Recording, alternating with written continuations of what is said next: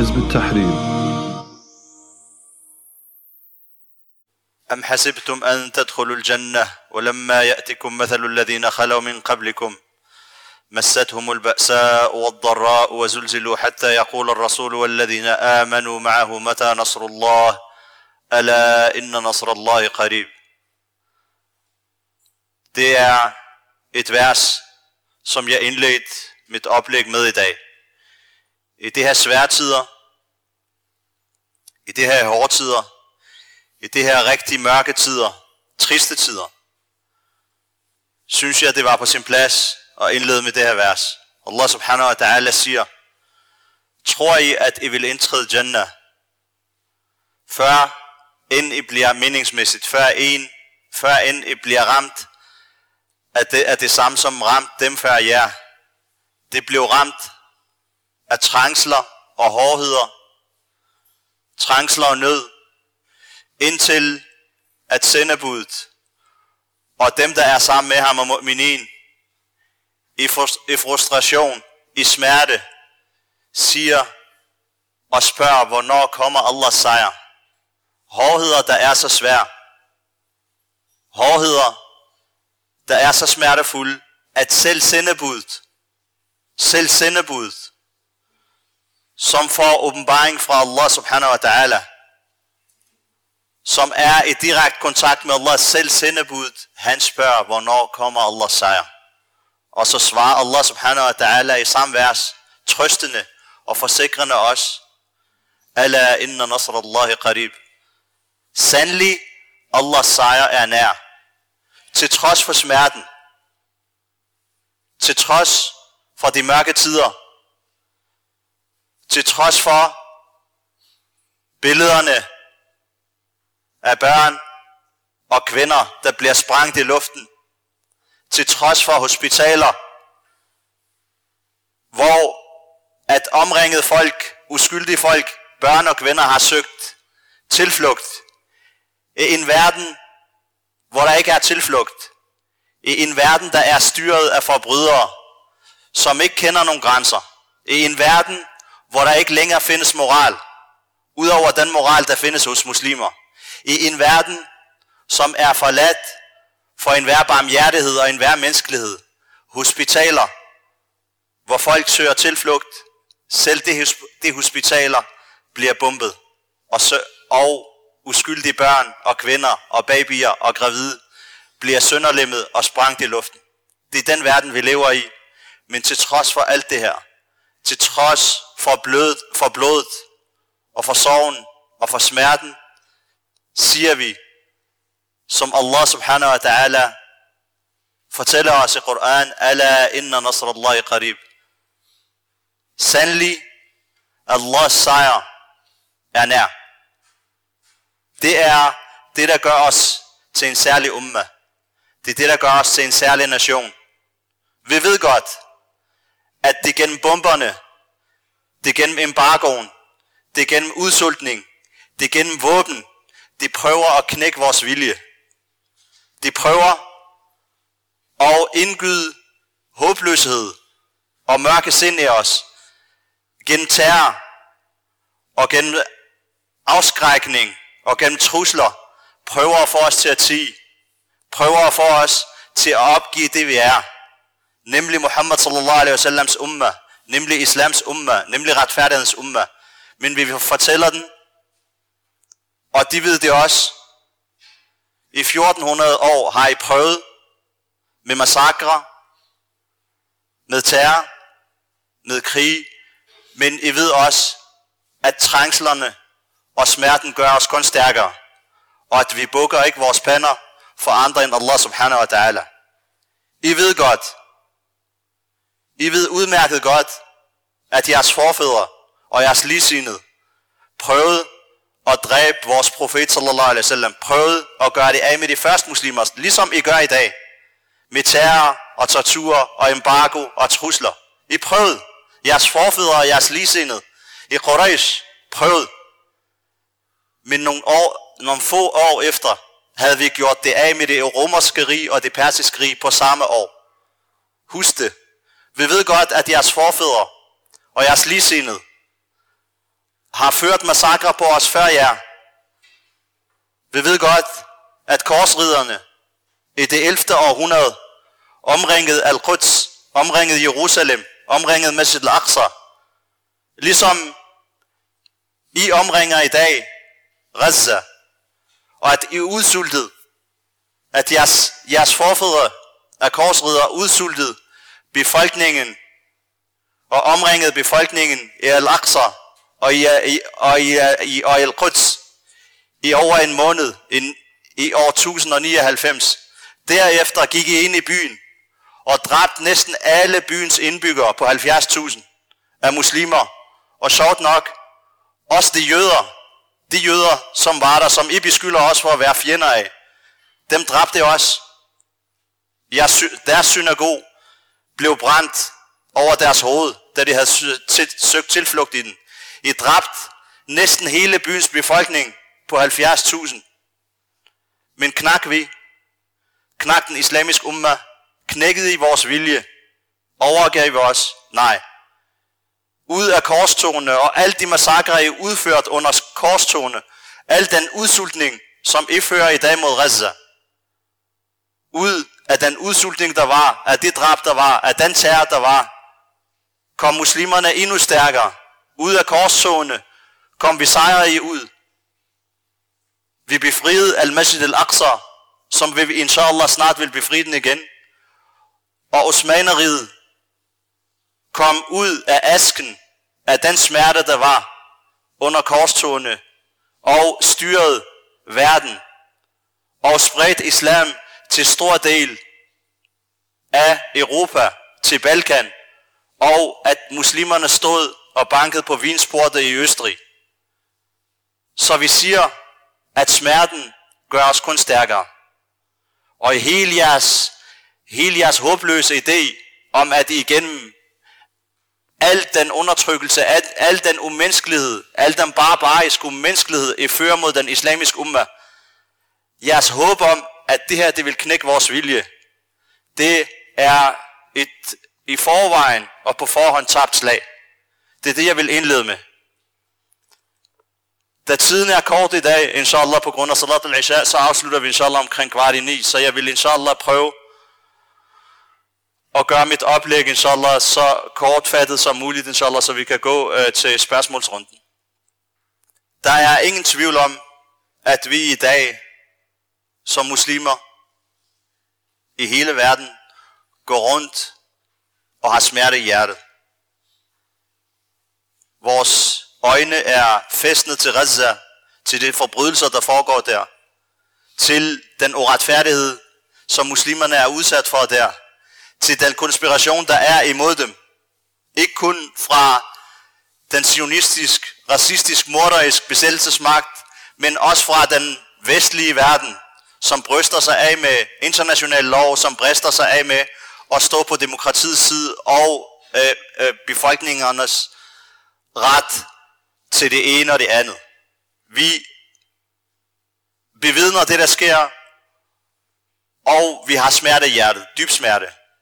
Til den grad, at mange af os faktisk er holdt op med at se billederne, er holdt op med at se videoerne, der kommer. Vi nøjes med, personligt nøjes jeg kun med og lyt til nyhederne. Jeg ser ikke billeder, jeg ser ikke det videoer, der er. Det kan jeg simpelthen, med, det, det er noget, som overgår, hvad skal man sige, øh, en hver menneskelig øh, evne. Det er simpelthen så voldsomt, at, at, at ja, ord kan ikke beskrive det. I den tilstand, så er det meget naturligt, at man spørger sig selv, hvad kan jeg gøre? Fordi man føler sig magtsløs. Man føler, at der skal ske noget. Man føler, man vil gerne hjælpe de 3 millioner mennesker, som man sulter derinde. Man ved, at hospitalerne lukker et, et efter et. Sundhedssystemet, hvis der overhovedet var et sundhedssystem i, i den stribe, i Gaza-striben, det er ved at bryde sammen. Og man sidder og har en følelse af stress i kroppen. Og det er naturligt. Det er naturligt. Så man spørger sig selv, hvad kan jeg gøre? Hvad skal jeg gøre? Og i virkeligheden, hvad du skal gøre, det starter faktisk med et andet spørgsmål. Det starter med et andet spørgsmål, som er endnu dybere. Og det spørgsmål det er, hvad har Gaza gjort for dig? Hvad har Gaza rettere sagt gjort ved dig? Det er der, at spørgsmålet skal starte. Jeg lyttede til et klip her for et par dage siden, hvor en kvinde, en i en belejret kvinde, under bomberne og under det, der sker, laver en lydoptagelse til et familiemedlem eller en veninde uden for Gaza. Hun siger i den her lydoptagelse, hun takker hendes veninde og siger, jeg ved godt, at det du sender til mig, det er for at styrke mig, det er for at få mig til at, at have, hvad hedder det, en høj kampmoral og så videre, men jeg vil gerne fortælle dig en ting. Det er faktisk os inde i Gaza, der skal styrke jer udenfor.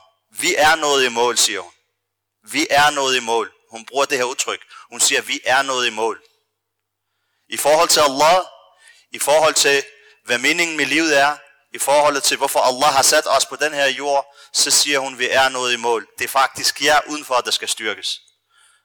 Så det er os, når vi ser hospitalerne blive bombet, når vi ser faren, der er i gang med at behandle børn på et hospital, og lige pludselig får at vide, at hans eget barn ligger på hospitalet, og han, han går op, rolig og fattet, og ser på barnet, og kan se, det er hans eget afdøde barn, vender sig om og siger alhamdulillah. Når den lille dreng, der er omsvøbt i, i, for, i forbinding og i, i plastre og helt såret, siger til sin lillebror, der er endnu mere såret, og som er helt pakket ind, siger til ham, gentag efter mig, sig la ilaha illallah, Muhammad Rasulullah.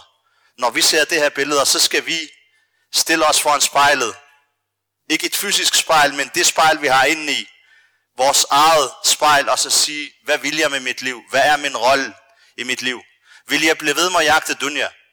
Vil jeg blive ved med at gå efter ambitionerne med børn, med rigdom, med det ene, med det andet, indtil jeg møder Allah, uden at jeg har gjort noget for min umma. Så det første, man skal starte med, kære brødre, det er, at Reza, man skal vide, at Reza skal styrke os. Det er ikke Reza, der har behov for os, det er os, der har behov for Reza. Den, den, det eksempel, som muslimerne i Reza har givet os på offring, på styrke, på tillid til Allah subhanahu wa ta'ala, det er faktisk noget, vi skylder dem resten af vores liv. Det er dem, der har styrket os. Det er dem, der har vækket os. Hvad gør man så derefter? Det man, det man i hvert fald ikke skal gøre, det er, at man ikke skal opgive. Man skal ikke se det her som, det er selvfølgelig en smerte, og det er noget, som stresser os, det er noget, som smerter os, men pointen i hele det her er, man skal ikke bøje hovedet og så sige, der er ikke mere at gøre. Fordi Allah subhanahu wa ta'ala til enhver situation, til enhver situation har Allah subhanahu wa ta'ala lagt en løsning. Allah subhanahu wa ta'ala siger i den hele Koran, وَنَزَّلْنَا عَلَيْكَ الْكِتَابَ تِبْيَانًا لِكُلِّ شَيْءٍ Wahudan wa rahma wa bushra lil muslimin. Vi har nedsendt bogen til dig som en opklaring af alt, og som en retledning, og som en barmhjertighed, og en, en, en god nyhed til muslimerne. Al-Quran indeholder løsningen. Selv den mørke situation, vi står i i dag, kære brødre. Man må ikke sige til sig selv, jamen øh, det er så sort, det er så stort, at jeg faktisk ikke kan finde ud af det, så jeg går bare i gang med at lave dua. Jeg laver bare lidt vilgørenhed. Jeg laver bare lidt khair, og laver min salat og passer mig selv, og går tilbage til den passive hverdag. Fordi Allah subhanahu wa ta'ala, som han siger i det her vers, han har nedsendt bogen som en opklaring af alt. Allah subhanahu wa ta'ala har ikke efterladt Muhammeds umma til forvirring og til tilfældigheder. Og til at det bare skal blive ramt af katastrofer, reagere, gå ud i demonstrationer, råbe og skrig, og så vende tilbage til deres liv. Og det her, det er en henvendelse til alle muslimer.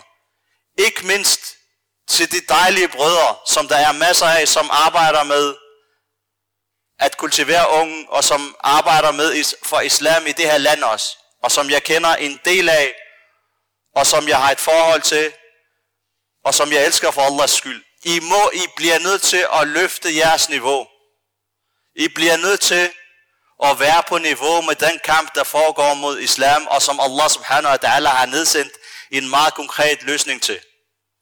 Det du skal gøre for Gaza helt konkret, det er det du hele tiden skulle have gjort, siden at kuffar nedlagde khilafa. Khilafa som alle ulama, alle ulama, alle jurister, alle islamiske fuqaha er enige om, at muslimerne er syndige, hvis den ikke er til stede. Og de nævner, størstedelen af ulama nævner et aspekt, når de snakker om khilafa. Det nævner, at den beskytter muslimerne. I dag har vi ikke nogen beskyttelse. Muslimerne blev slagtet i Bosnien. Med FN's overværelse. Næsten 10.000 muslimer blev leveret af FN til serberne, som sagde til dem, værsgo. Og det er dokumenteret, det er på film. Næsten 10.000 muslimer af børn og, og mænd blev dræbt i Balkan i 90'erne. Muslimerne i Indien bliver slagtet. Muslimerne i Kina bliver tvangs afislamiseret. Palæstina har lidt i snart 80 år. Løsningen er ikke, at vi bare reagerer i en eller anden tilfældighed. Allah subhanahu wa ta'ala har lagt en plan, og den plan den hedder, og den plan skriger i dag, at det er den plan, og det er den løsning, der skal til. At muslimerne arbejder organiseret for at etablere den hukm shara'i, den mekanisme, som beskytter muslimerne, som er khilafa. Det arbejde, som Hizb ut-Tahrir laver, for at genetablere khilafa, en stat, som forener muslimerne, som har en herre, som skal befri Palæstina, og som vil beskytte muslimerne mod massakre, og som vil gøre, at kujoner og forbrydere rundt om i verden tænker sig 100 gange om, inden de rører et hår på en muslimsk kvinde eller mand eller barn. Det er en forpligtelse fra Allah subhanahu wa ta'ala i Koran og i Sunnah. Det er den løsning. Det er det, som du skal gøre. Hvis du vil, hvis du vil hjælpe Gaza, og i virkeligheden så har Gaza ikke behov for din hjælp, for det Gaza og Sham og Palæstina er under Allah subhanahu wa ta'alas beskyttelse. Du hjælper i virkeligheden dig selv, og du hjælper din akhira. Og du løfter, du løfter skammen over dig selv, når du indtræder ind i det her arbejde. Hvis du vil hjælpe Gaza og Palæstina, og muslimerne i Kashmir, og muslimerne i Bosnien, og muslimerne i Indien, mod hinduisternes overgreb, så skal du komme ind i den kamp, som Allah har forpligtet dig til, og som er at arbejde organiseret for at etablere khilafa. Uden khilafa vil vi ikke løse nogen af de her problemer. Velgørenhedsarbejde, du får belønning for det. Du er, du får belønning for det. At du lærer folk Koran, du får belønning for det. Intet af det her er forkert. Men du skal vide, at hvis du vil løse, og du skal løse, problemerne for muslimerne, så skal du indtræde i det arbejde, som etablerer den mekanisme, som Allah har forpligtet muslimerne til, og som er khilafa, hvor muslimerne forenes og får en her. I kan se i dag, I kan se uden den her, uden at muslimerne er forenet, hvem er det, der beskytter den sionistiske, forbryderisk, morderisk besættelsesmagt? Det er jo, det er jo regimerne, det arabiske regimer rundt omkring. Folk står ved Jordans grænse og vil ind med bare hænder. Folk fra Libanon vil ind. Folk fra andre, men hvem beskytter den? De gør det regimer, der er. Muslimerne i dag er lænket. Så hvis muslimerne ikke får den her stat, så vil vi blive ved med at gå fra den ene katastrofe til den anden, til den tredje. Vi vil blive ved med at lave brændslukning, vi vil blive ved med at give velgørenhed, vi vil blive ved med at lave døre fra problem til problem til problem. Så kære bror, lad være med at reagere, lad være med at vente på, og søster for den sags skyld, lad være med at vente på, at katastroferne vælter over muslimerne, og så skal du bare reagere fra gang til gang til gang. Indtræde i det arbejde, som du er forpligtet til, som en hver muslim, som en hver muslim er forpligtet til, og som er at arbejde for at etablere, arbejde med Hizb tahrir for at etablere den mekanisme, som vil løfte muslimerne, som vil forene umma, og som vil gøre, at muslimerne igen får deres stolthed, og får deres og får deres anseelse, og at muslimsk blod igen får sin værdi. Lad være med at fortælle dig selv, at det ikke er relevant for dig. Jeg er bare et individ. Jeg er bare et individ, så jeg gør bare noget velgørenhed. Jeg gør bare noget her for mig selv. Og så i den, øh, og når jeg underviser folk, så lærer jeg dem om god moral, og lærer dem om, hvordan de, øh, de laver deres salat, og så er, har jeg gjort mit. Og så må Allah subhanahu wa ta'ala så tage sig af resten. Det er ikke sådan, det er. Fordi det er relevant. Det er lige så relevant for dig, hvad der sker for muslimerne, som det er for alle på jorden. Og Muhammad sallallahu alaihi wasallam startede som en mand. Muhammad sallallahu alaihi wasallam startede som en mand i Mekka. Forfulgt, svag, fattig. Muslimerne blev tortureret, muslimerne blev forfulgt, muslimerne blev uddrevet, som vi gør i dag. De sagde ikke til sig selv, vi er bare et individ. Hvad kan jeg gøre mod Quraysh? Hvad kan jeg gøre mod perserne? Det er drømmeri. Det er jo det, mange, mange muslimer desværre har sådan en holdning i dag. Det er drømmeri. Det er for stor drøm. Det er for langt væk. Lad mig hellere gøre noget konkret her og nu. Sådan hænger det ikke sammen. Der er ingen modsætning mellem, at du laver noget konkret, og at du lærer dine naboer og folk i dit kvarter, at du lærer dem salat og lærer dem Koran, og at du samtidig arbejder for den løsning, som øh, hvad hedder det, løfter synden fra muslimerne, som beskytter muslimerne. Allah vil sætte dig til regnskab for det. For det er ligesom du læser versene om, Quran, om, om, om salat i Koran, og lærer folk salat, så læser du også vers om, at umma skal være en. Du læser også vers i den samme Koran om jihad. Du læser også vers om, at der skal være et system, der skal implementeres. Du læser også vers om jahiliya og om islam i den samme Koran, og at umma skal være en. Hvad er forskellen så? Hvorfor reagerer du på nogle vers og reagerer ikke på nogle andre? Stil dig selv det her spørgsmål. Stil dig selv det her spørgsmål. Koran er en. Islam er en. Ja, ayyuha alladhina amanu tkhulu fi silmi kaffa.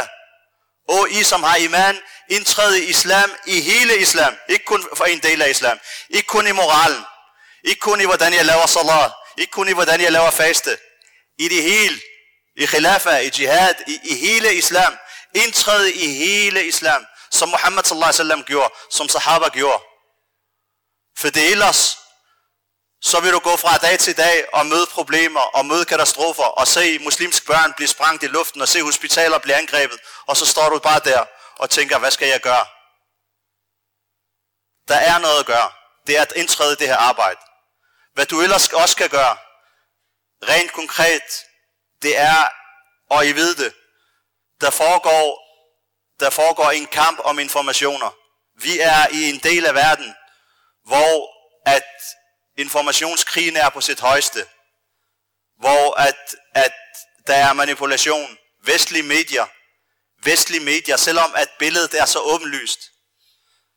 En belejret by. En, et angreb på en by, hvor at 70 procent af dem, der er dræbt, det er børn og kvinder. Og alligevel prøver de at relativere billedet. Vi har i dag i hvert fald 4.000 shuhada, 4.000 martyrer, hvor størstedelen er børn og kvinder. Vi har hospitaler, der er blevet bombet. Vi har boligkvarterer, der er fuldstændig jævnet med jorden, altså fuldstændig jævnet med jorden.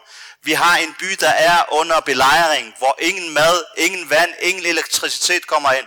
Alligevel har du vestlige medier, der prøver at relativere billedet. Der prøver at gøre det til et spørgsmål om synsvinkler. Og der har vi et ansvar. Der er en masse mennesker derude. Sig ikke til jer selv, at hele Vesten er imod os. Eliten i Vesten er imod os. Magthaverne i Vesten er imod os. Men der er en masse anstændige mennesker derude. Der er en masse ordentlige mennesker derude. Der ikke kan lide undertrykkelse. Der ikke kan lide den uretfærdighed, der er. Der er træt af den ustabilitet og det magtmisbrug, der er i verden. Der er en masse mennesker derude, der faktisk tvivler. Og ikke kan finde et ståsted. Dem har vi et ansvar overfor at komme ud til. At vise dem, at det, som det, der, der bliver kaldt det internationale samfund, og den internationale lov, og den internationale familie, ikke er andet end en samling forbrydere, af magthavere, af folk med atomvåben, af store stater, der holder resten af verden i, i slaveri, og i undertrykkelse. Og at muslimerne i allerhøjeste grad er dem, der har smagt, hvad det internationale samfund er gennem 80 år. Gennem 80 år har vi smagt, hvad det internationale samfund er, det internationale lov er. Det har vi smagt i Irak med brug af atomvåben, atom, uranberiget våben. Vi har smagt det i Afghanistan. Vi har smagt det i, i Bosnien og i Balkan. Massakre, massakre på massakre, etnisk udrensning af muslimer i Balkan. Vi har smagt det i Palæstina gennem 80 år, apartheid, hvor folk, hvor muslimer lever på ingenting, hvor du har en stat, der går ind og ikke kun holder en del af befolkningen ned, men faktisk umenneskeliggør dem fuldstændigt og fratager dem enhver form for menneskelighed. Vi har smagt, hvad international lov er. Vi har smagt, hvad det internationale samfund er. Vi har en forpligtelse over for det her mennesker og vise dem det rette billede af, hvad der sker i Gaza. De skal vi gøre.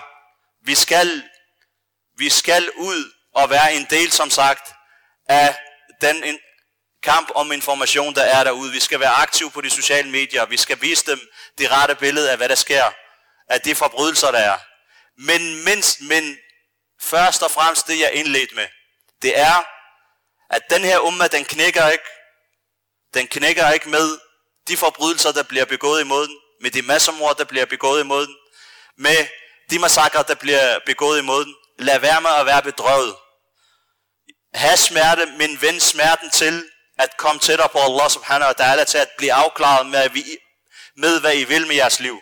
Med jeres ansvar over for muslimerne. Med, ans, med jeres ansvar over for islam. Med hvad I vil. Brug smerten til at komme tættere på Allah subhanahu wa ta'ala og tage del i det arbejde. tage del i det ansvar over for jeres umma, som, er, som Allah har forpligtet jer til. Og vid, at sejren skal nok, skal, nok skal komme.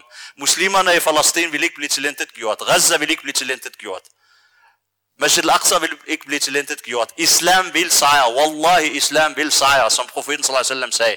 Og som Allah har lovet os i Koran, og som profeten sallallahu alaihi wasallam utallige gange har lovet os. Wallahi, der vil være sikkerhed. Wallahi, Palestine vil blive befriet. Spørgsmålet er, hvor du står henne i den her proces. Du har et valg i dag, før i morgen. Det er tid til at vælge side. Det er tid til at vælge, hvad du vil med dit liv, og hvad du vil med din umma, og hvad du vil med det evner, som Allah subhanahu wa ta'ala har givet dig. Og det andet er, at som sagt, at Allah subhanahu wa ta'ala har ikke efterladt den her umma til forvirring, og til massakre, og til bare tilfældige reaktioner. Allah subhanahu wa ta'ala har nedsendt os en Koran, der har vist os vejen hele, en sunna, der har vist os vejen, fra vi bliver født, til vi bliver begravet. I den her proces har Allah fortalt os, han har forpligtet os til, at der skal være, at muslimerne skal leve under en stat, som styrer med islam, og ikke under 50 stater. Og han har fortalt os, at hvis den her stat ikke er der, så vil der være fitna. Så vil der være drab. Så vil der være mor. Det er det, der sker i dag. Han har fortalt os, gennem Koran og Sunnah, hvis den her stat en dag bliver fjernet, hvordan vi får den her stat tilbage. Og vi har vejen. Det er, at vi arbejder kollektivt. Vi arbejder kollektivt i et parti, som profeten sallam gjorde, indtil vi får den stat tilbage. Det er det, der vil redde muslimerne. Og det her, det er lige så meget dit ansvar, som det er mit ansvar, som det er alle muslimers ansvar. Det er ikke noget, Allah har. Allah nedsender ikke en lov, og så lader han den bare flyve i luften. Så bliver den bare opfyldt af sig selv. Det er ikke sådan, det foregår. Det er dit ansvar.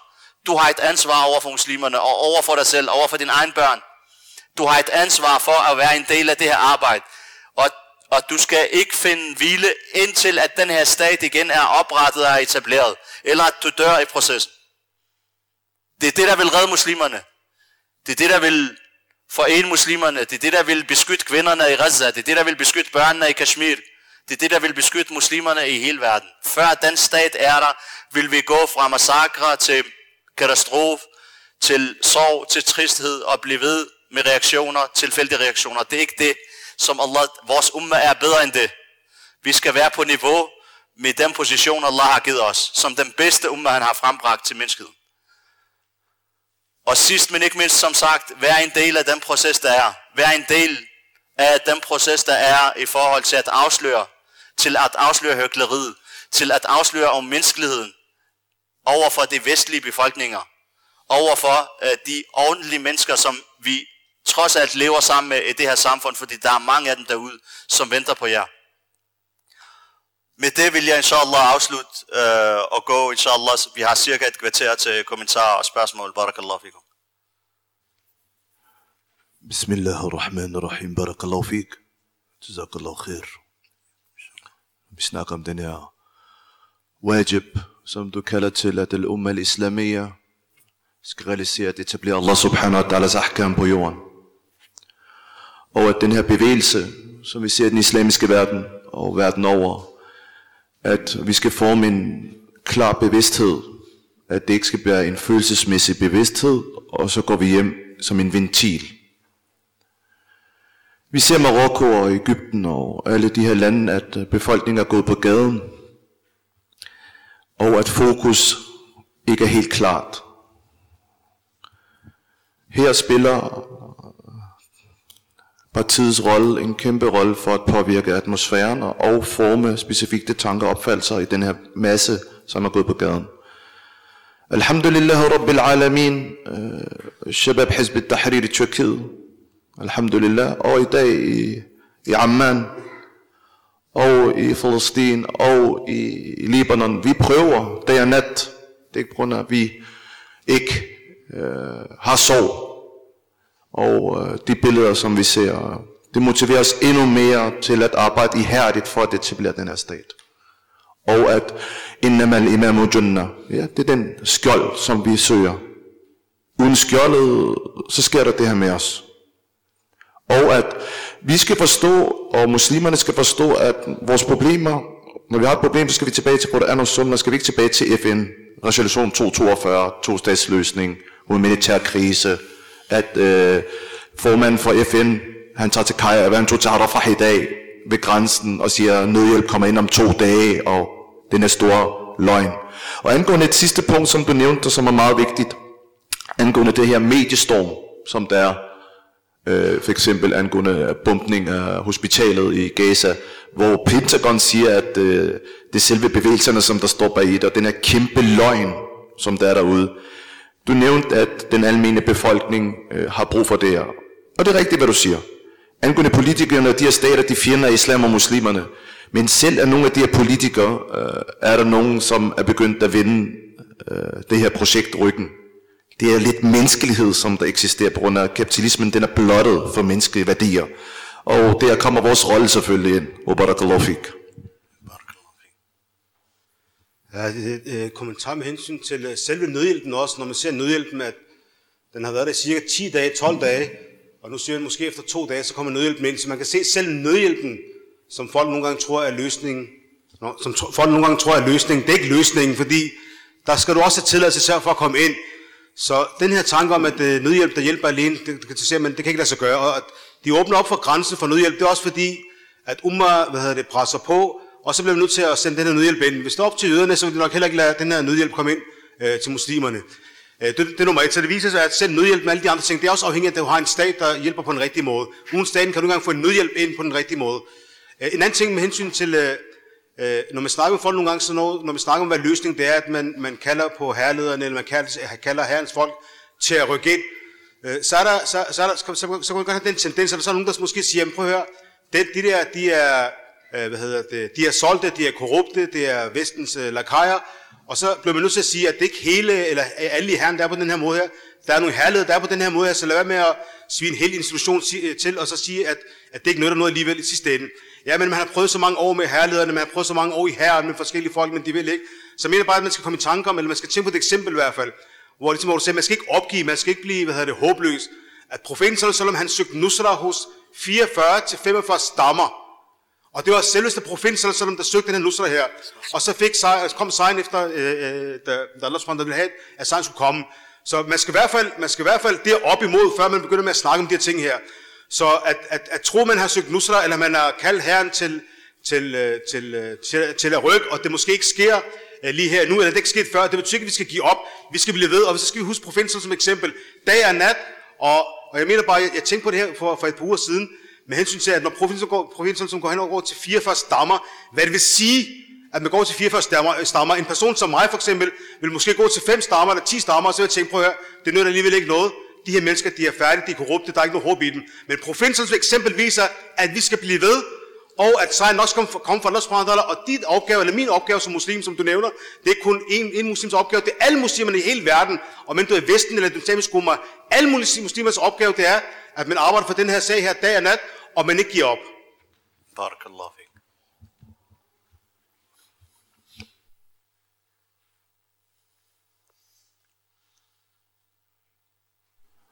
Bismillah. Uh, angående kommentaren, som vi snakker om de her herrer. De her herrer, de kommer ikke fra Mars. De her med herrer er en del af Umm al-Islamiyya. Det er vores onkler og fædre, som der er den her herre. Og der er mange af dem i den islamiske verden. Så de her herrer, dem appellerer vi til, snakker med, diskuterer med. De følger også sorg. De følger også med os. Men vi har nogle generaler, som er øh, øh, korrupte. Vi skal forstå en ting, at Vesten vil have, at vi kigger ned på de her herrer. At de skal blive vores fjender, i stedet for at de skal være vores brødre. Og de her herrer er nøglen til ændring, Shabab. Det er det, vi skal forstå. Det er dem, som der ændrer hele tilstanden i den islamiske verden. Så skal vi ikke skubbe dem væk fra os. Vi skal tilkalde os dem. De skal være tæt på os. Vi skal have forhold til dem. Vi skal korrigere dem. Vi skal levere islam til dem. De skal forstå, at de er en del af den her umma.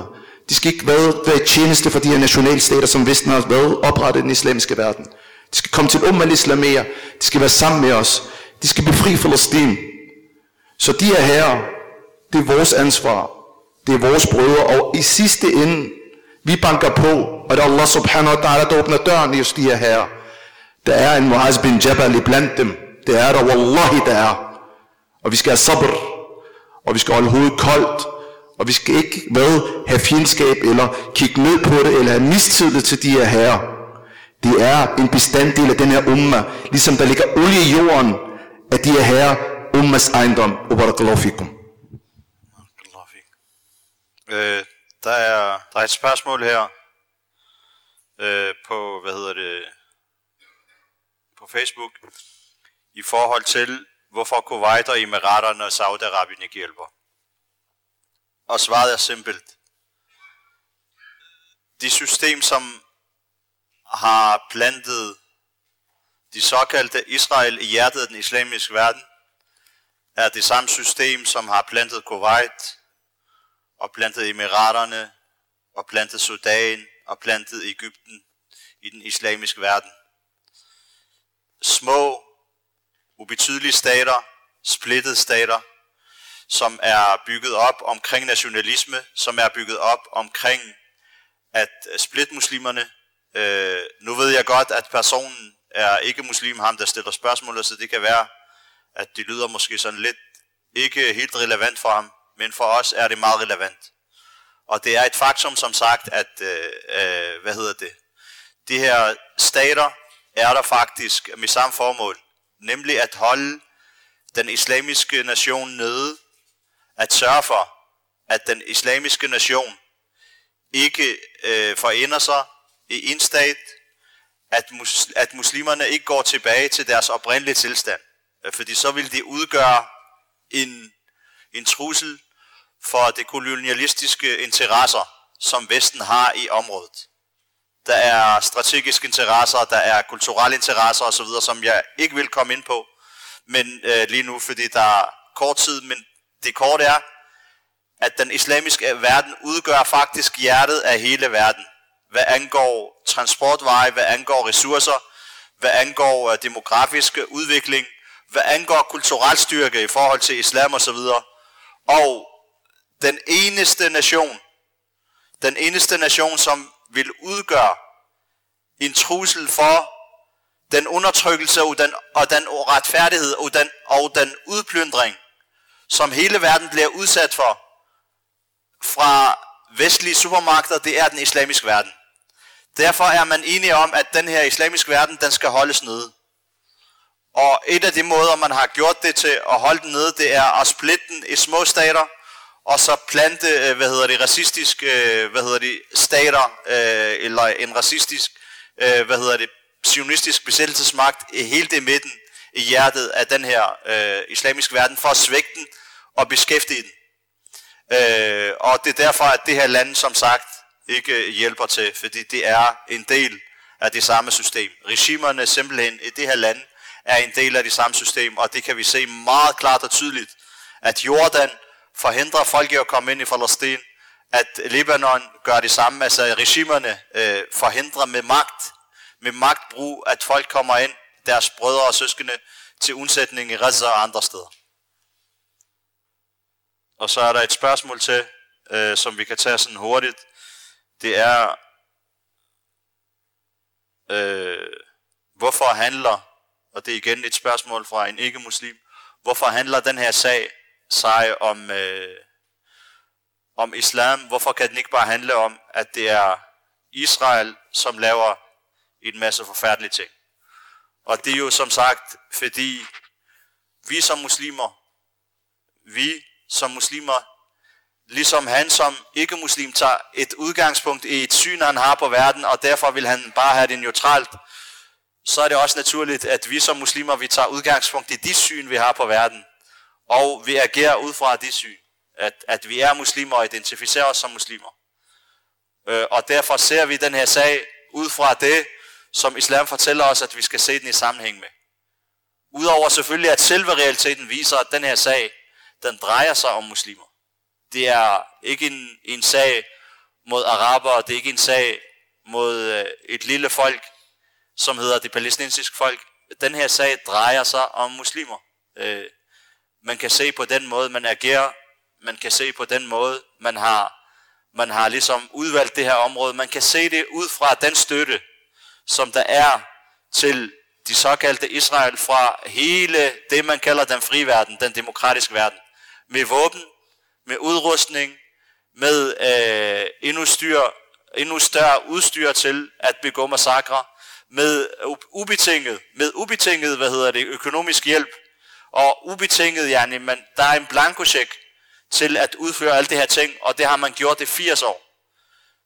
I 80 år har man lavet den her øh, sionistisk, morderisk apartheidstat begå, hvad den vil, af massakre, af uhyreligheder, massakre i Libanon i, i 80'erne, i 82, massakre som sagt i Palæstina gennem årene, i nullerne og før det, massakre i 48, man skal gå tilbage, man skal gå tilbage til 40'erne og 30'erne og se, hvad sionisterne, hvad de gjorde, hvor mange landsbyer det brændt, hvor mange børn og kvinder det brændt levende, hvilken massakre de lavede med dække fra, med dække fra England, og sidenhen efter 1948, hvordan at de har begået massakre på massakre, fol, øh, fol, folkelig udrensning på folkelig udrensning, mens at de har USA's ryg øh, i FN og i andre, hvad hedder det, øh, og i Sikkerhedsrådet og så videre, som kommer ind og giver dem